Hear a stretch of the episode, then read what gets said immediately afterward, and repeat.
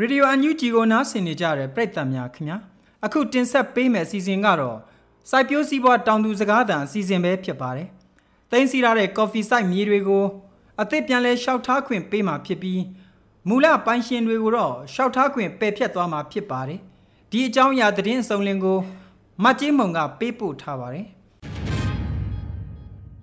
လွန်ခဲ့တဲ့နှစ်20လောက်ကမန္တလေးပြင်ဦးလွင်နဲ့နောင်ချိုမြို့နယ်တွေရှိ ကော်ဖီနဲ့မက်ဒေးမီးယားစီမံကိန်းအဖြစ်ချထားပေးတဲ့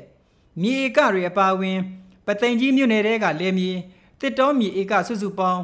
ဧကတသိန်းလောက်ကိုစီကန်းချက်နဲ့မညီလို့ဆိုပြီးစစ်ကောင်စီကပြန်လည်သိမ်းဆည်းနေတာဖြစ်ပါတယ်။ကော်ဖီစီမံကိန်းဖြစ်ချထားပေးပေမဲ့ကော်ဖီဈေးကွက်မရှိတဲ့အတွက်အခြားသီးနှံစိုက်ပျိုးတာတွေအခြားစီးပွားရေးလုပ်ကိုင်တာတွေကိုဆယ်စုနှစ်တခုကြာခွင့်ပြုထားပြီးမှလက်ရှိအချိန်မှာစစ်ကောင်စီက အဆောက်အုံတွေကိုအင်အားသုံးဖြိုဖျက်နေတာဖြစ်ပါတယ်။ဒီလိုဖျက်ဆီးလိုက်တဲ့မြေတွေကိုမြို့ပြမြေယာစရင်နဲ့ထည့်သွင်းပြီးထပ်မံချထားပေးမှာဖြစ်ပေမဲ့မူလလျှောက်ထားသူတွေကိုတော့လျှောက်ထားခွင့်ပေးမှာမဟုတ်ဘူးလို့စစ်ကောင်စီနဲ့နိစသူတဦးကအခုလိုပြောပြပါတယ်။သတင်းကမှကြော်ညာပဲဆိုတာကျွန်တော်တို့ဒီပုံကြီးတွေတော်ကြီးတွေဟို public ကျွန်တော်တို့ချပေးမှာချပေးမယ့်ဟာကအခုတင်ထားနေနေပေါ့နော်။ဒီကလောစင်ကိုဒီအောင်တော့အားတော့ရှိတယ် အဲ့ဒါပြီးရတယ်သူတို့မူလပိုင်ရှင်တွေကလက်ချောက်ခွင့်မရှိတော့ဘူးသူသားသမီးလက်ချောက်ခွင့်မရှိဘူးချောက်လေကျွန်တော်တို့ချောက်မှာမဟုတ်နှစ်ရှည်တီးနှံဖြွံ့ဖြိုးဖို့အတွက်လွန်ခဲ့တဲ့နှစ်20ကာလအတွင်းကဈေးကွက်မကျပြန့်သေးပေမဲ့ကော်ဖီနဲ့မက်ဒေးမီးယားစိုက်ပျိုးစီမံကိန်းတွေချပြီးမြေယာလျှောက်ထားခွင့်ပြုခဲ့တာဖြစ်ပါတယ်အဲ့ဒီလိုလျှောက်ထားခွင့်ပြုခဲ့ပြီးနောက်နှစ်ရှည်တီးနှံတွေစိုက်ပျိုးခဲ့ကြပြီးထွက်ရှိလာချိန်မှာတော့ဈေးကွက်ရှာဖွေတာ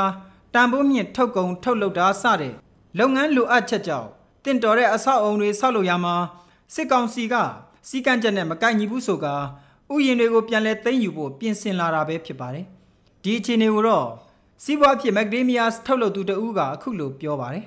အော်ဖြစ်ထွန်းနေတဲ့တောင်သူတွေအနေနဲ့ကတော့ဖြတ်ပြရမယ်ဆိုတာလုံးဝမဖြစ်တဲ့ကိစ္စပေါ့နော်ဟိုဟိုဘက်ပိုင်းမှာတော့တချို့ကဖြစ်ထွန်းအောင်မဆိုင်လို့ဆိုတာတော့ရှိတယ်ရှိရှိကောင်းရှိမယ်ပေါ့ ရှိရှိရှိတဲ့တချို့ဟာတွေလည်းရှိတယ်လို့တော့ကိုကြားတယ်ကိုလည်းအတိအကျတော့မသိဘူးအန်တီတော့အတိအကျမသိဘူးပေါ့နော်အဲမဝါတို့နဲ့အန်တီတို့ကဒီစီမံကိန်းတစ်ခုတည်းပဲအန်တီတို့နဲ့အတူတူပဲလေဒီနောက်ဆုံးအမခမှာပဲတခြား private sector လည်း50ကျော်လောက်ရှိတယ်လေ52ဦးလောက်ရှိတာပေါ့နော်အဲအားလုံးပေါင်းစုစုပေါင်းပေါ့အားလုံးကအဲ့လိုစုပေါင်းဆိုင်နေတာဧက1000ကျော်စီမံကိန်းမှာသူတို့လည်း product ထုတ်နေတာပဲအန်တီလည်း product ထုတ်နေတာပဲနောက်ပြီးတော့နောက်တစ်ယောက်လည်း product ထုတ်တယ်မကဘူးဒီထဲမှာ၄ဦးလောက် product ထုတ်နေတယ်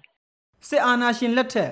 လွန်ခဲ့တဲ့နှစ်20ကျော်ကတည်းကကော်ဖီနဲ့မက်ဂဒေးမီးယားစိုက်ပျိုးဖို့စိုက်ပျိုးရေးဦးစီးဌာနကတစ်တော်မြေတွေကိုလွှဲပြောင်းရယူပြီးချထားပေးခဲ့တာဖြစ်ပါတယ်။အဲ့ဒီမြေတွေမှာတတ်မှတ်ထားတဲ့တိနံစိုက်ပျိုးကြတာမရှိဘဲ